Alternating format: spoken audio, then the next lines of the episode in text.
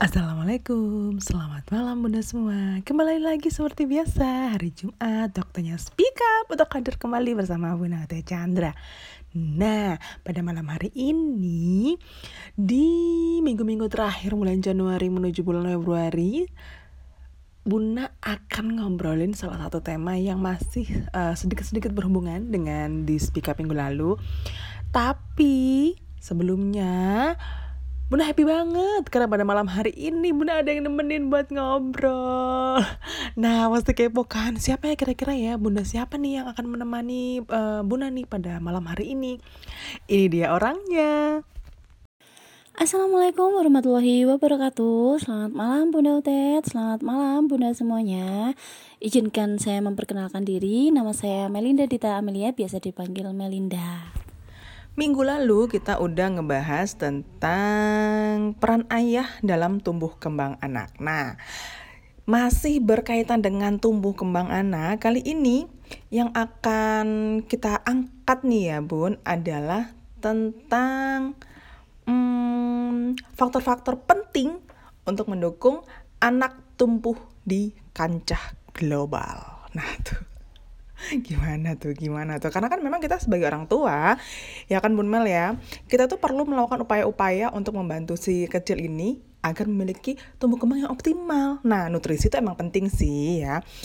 Tapi terdapat juga faktor-faktor lain yang mempengaruhi tumbuh kembang anak-anak kita. Kira-kira apa aja sih? Gitu loh faktor-faktor penting ini yang pertama Bun Mel Enak kan ya main lempar. Kalau temen itu gini Enak gitu loh kalau main lempar. Yang pertama Bun Mel Apa sih tumbuh kembang uh, Anak secara global? Karena kita perlu tahu dulu dong. Yuk lanjut. Apa tuh?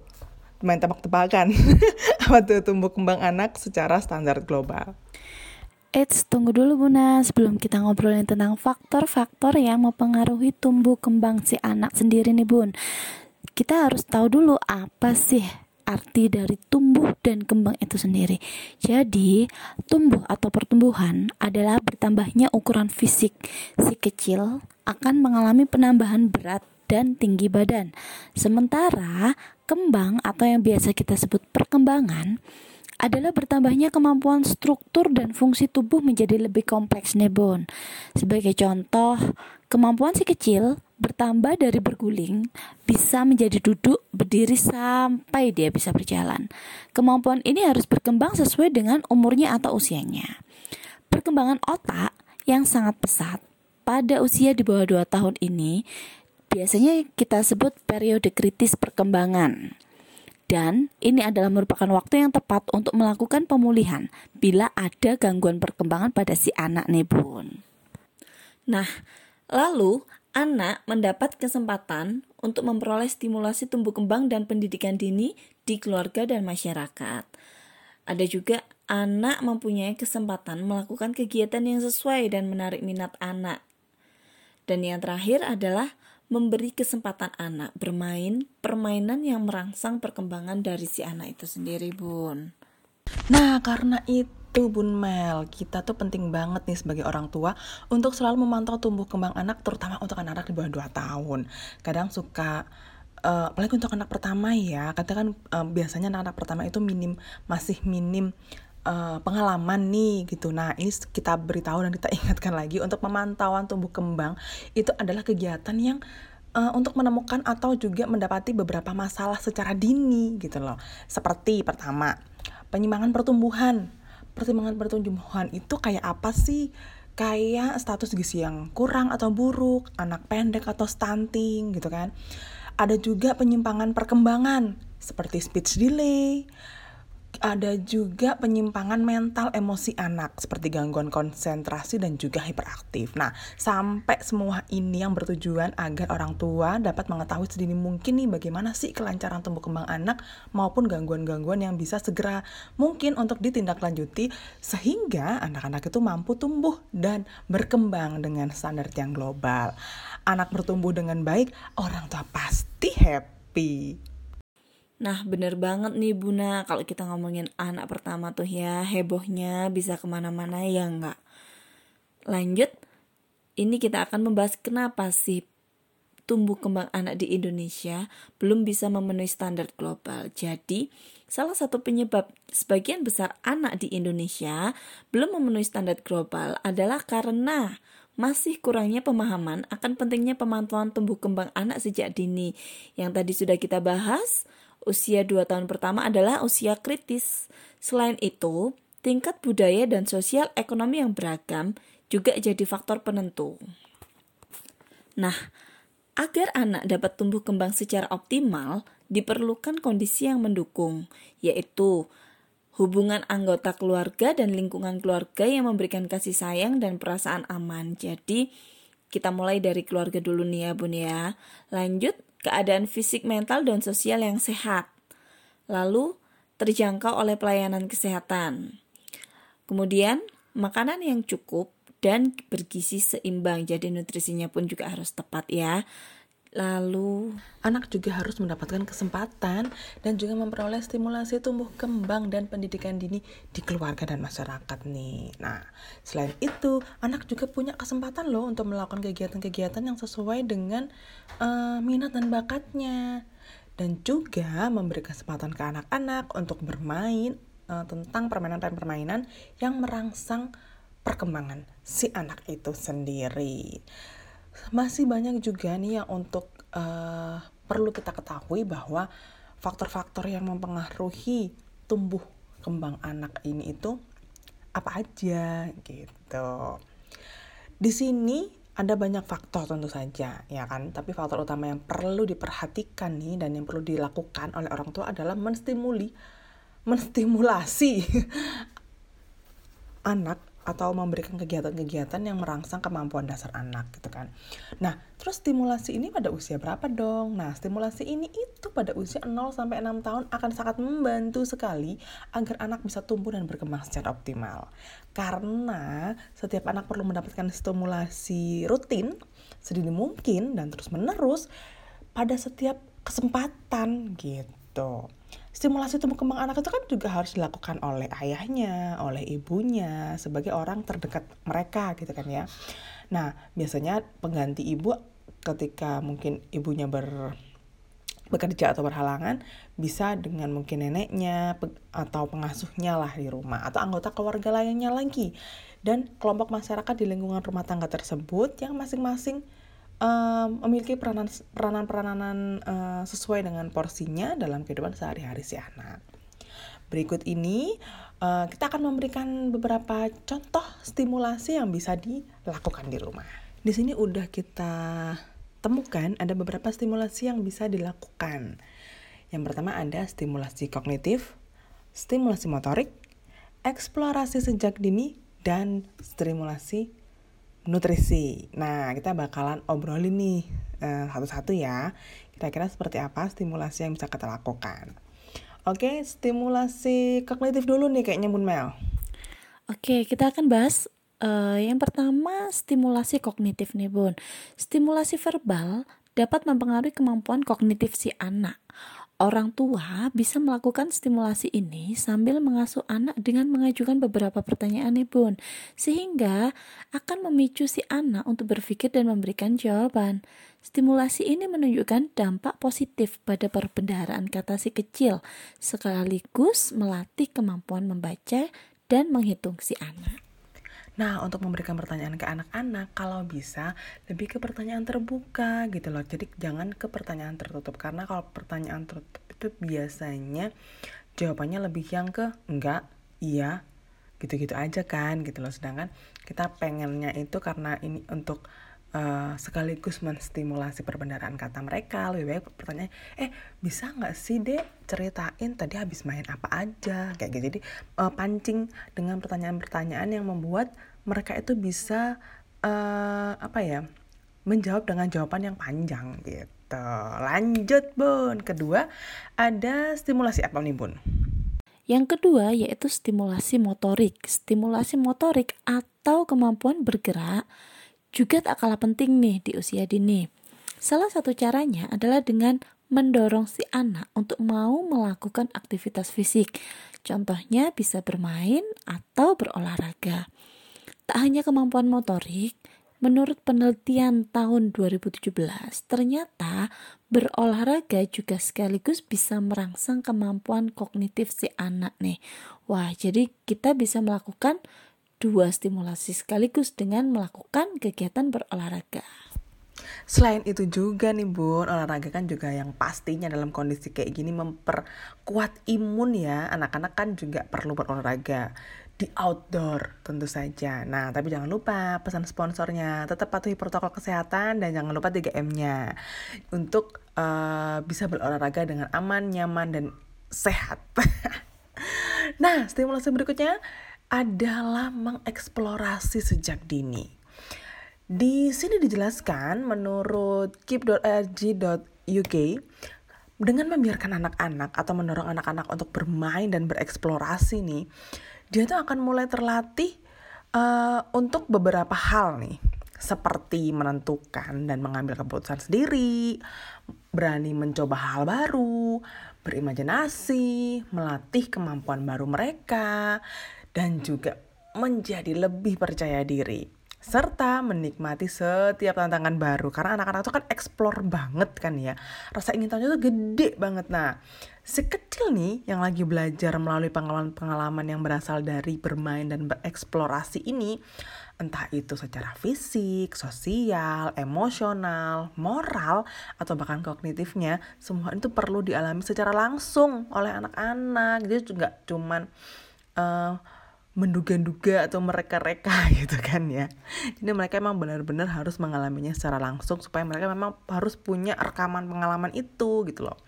Nah, ketika uh, mereka mengeksplorasi atau eh, bereksplorasi ini mereka tuh akan belajar dari kesalahan-kesalahan yang mereka rasakan, dari rasa-rasa takut yang timbul saat merasakan merasakan atau menemui situasi-situasi baru gitu kan, rasa-rasa khawatir yang uh, belum nyaman dengan hal-hal baru yang mereka temui pada saat itu.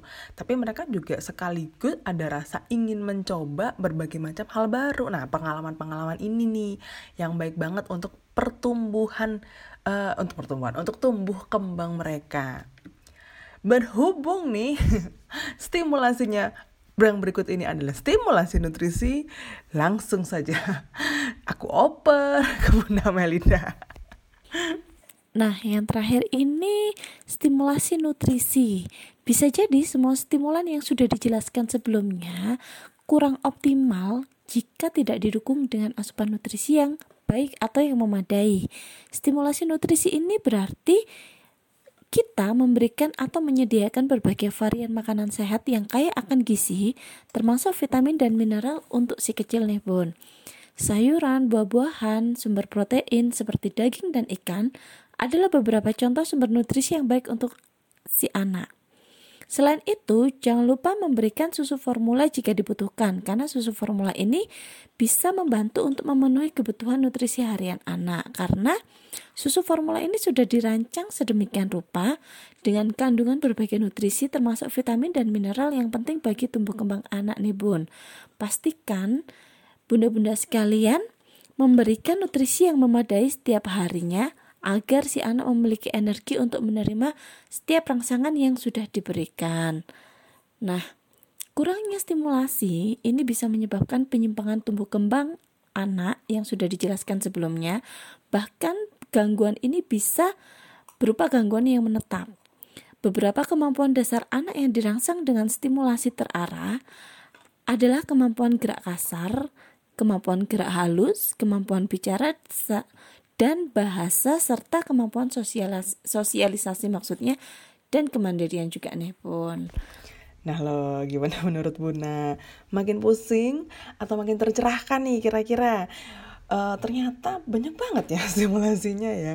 Faktor-faktor yang mendukung juga banyak banget, yang mempengaruhi banyak banget. Stimulasi yang perlu diberikan ke anak juga banyak banget. Nah, dalam melakukan stimulasi tumbuh kembang anak ini, nah gak cuma asal ngasih aja. Ada beberapa prinsip dasar yang perlu kita perhatiin nih bun. Pertama, stimulasi dilakukan yang dilandasi oleh rasa cinta dan kasih sayang. Selalu nih tunjukkan sikap dan perilaku yang baik karena anak akan meniru tingkah laku orang-orang terdekatnya. dan orang-orang terdekat anak adalah orang tuanya. Jadi bisa dibilang kita role model lah buat anak-anak. Kemudian kita juga saat memberikan stimulasi harus sesuai dengan kelompok umur anaknya gitu. Jadi nggak asal ngasih stimulasi ada, semua ada uh, step by stepnya.